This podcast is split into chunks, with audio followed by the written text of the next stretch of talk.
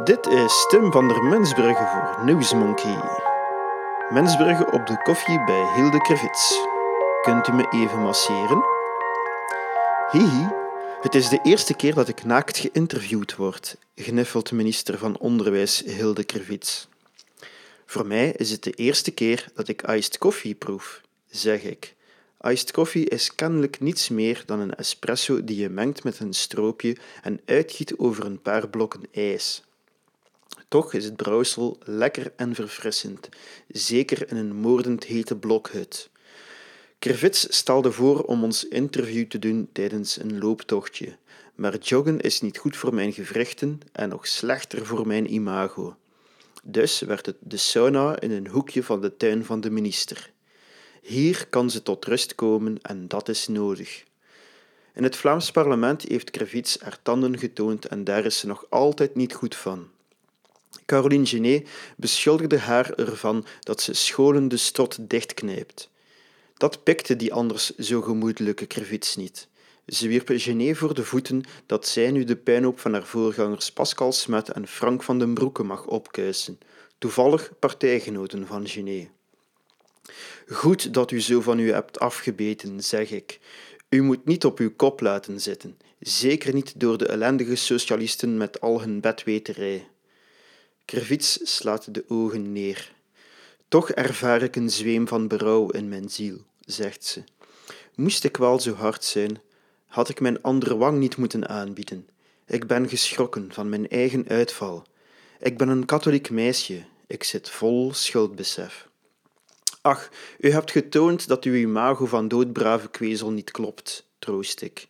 Maar ik ben geen bitch. Ik wil niemand voor het hoofd stoten, protesteert ze.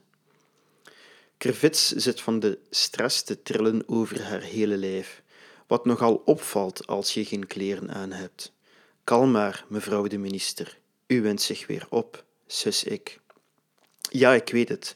Ik ben helemaal gespannen, zucht ze. Een vraag of the record. Kunt u me even masseren? Um, dat is slecht voor mijn objectiviteit, antwoord ik. Plus daarbij, telkens als ik een massage geef, val ik meteen in slaap. Kunt u niet gewoon wat mediteren, uw hoofd spiritueel leegmaken? Maar hou, ik ben geen boeddhistische trinis, hè? berispt de minister mij. In de christelijke traditie doen wij aan contemplatie. Contempleert u zo hard u wilt, zolang u er maar rustig van wordt, zeg ik. Krevits zet zich op haar knieën, vouwt haar handen in haar schoot, sluit haar ogen en begint te contempleren met een intensiteit waar ze in een nonnenklooster jaloers op zouden zijn.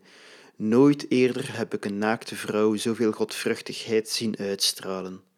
Terwijl de vice-minister-president zich in ons contempleert, zit ik mij te vervelen.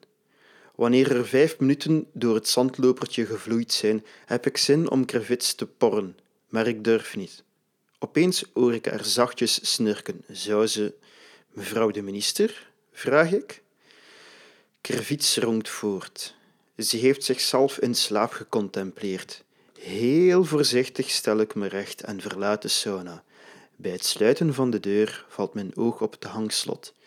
Bij wijze van practical joke druk ik het slot dicht. Niet dat ik de minister van Onderwijs kwaad wil doen, ik heb de beste bedoelingen. Wanneer ze kan ontsnappen uit een kokend heet saunakot, zal dat goed zijn voor haar fighting spirit. Want met enkel contemplatie bereik je niets.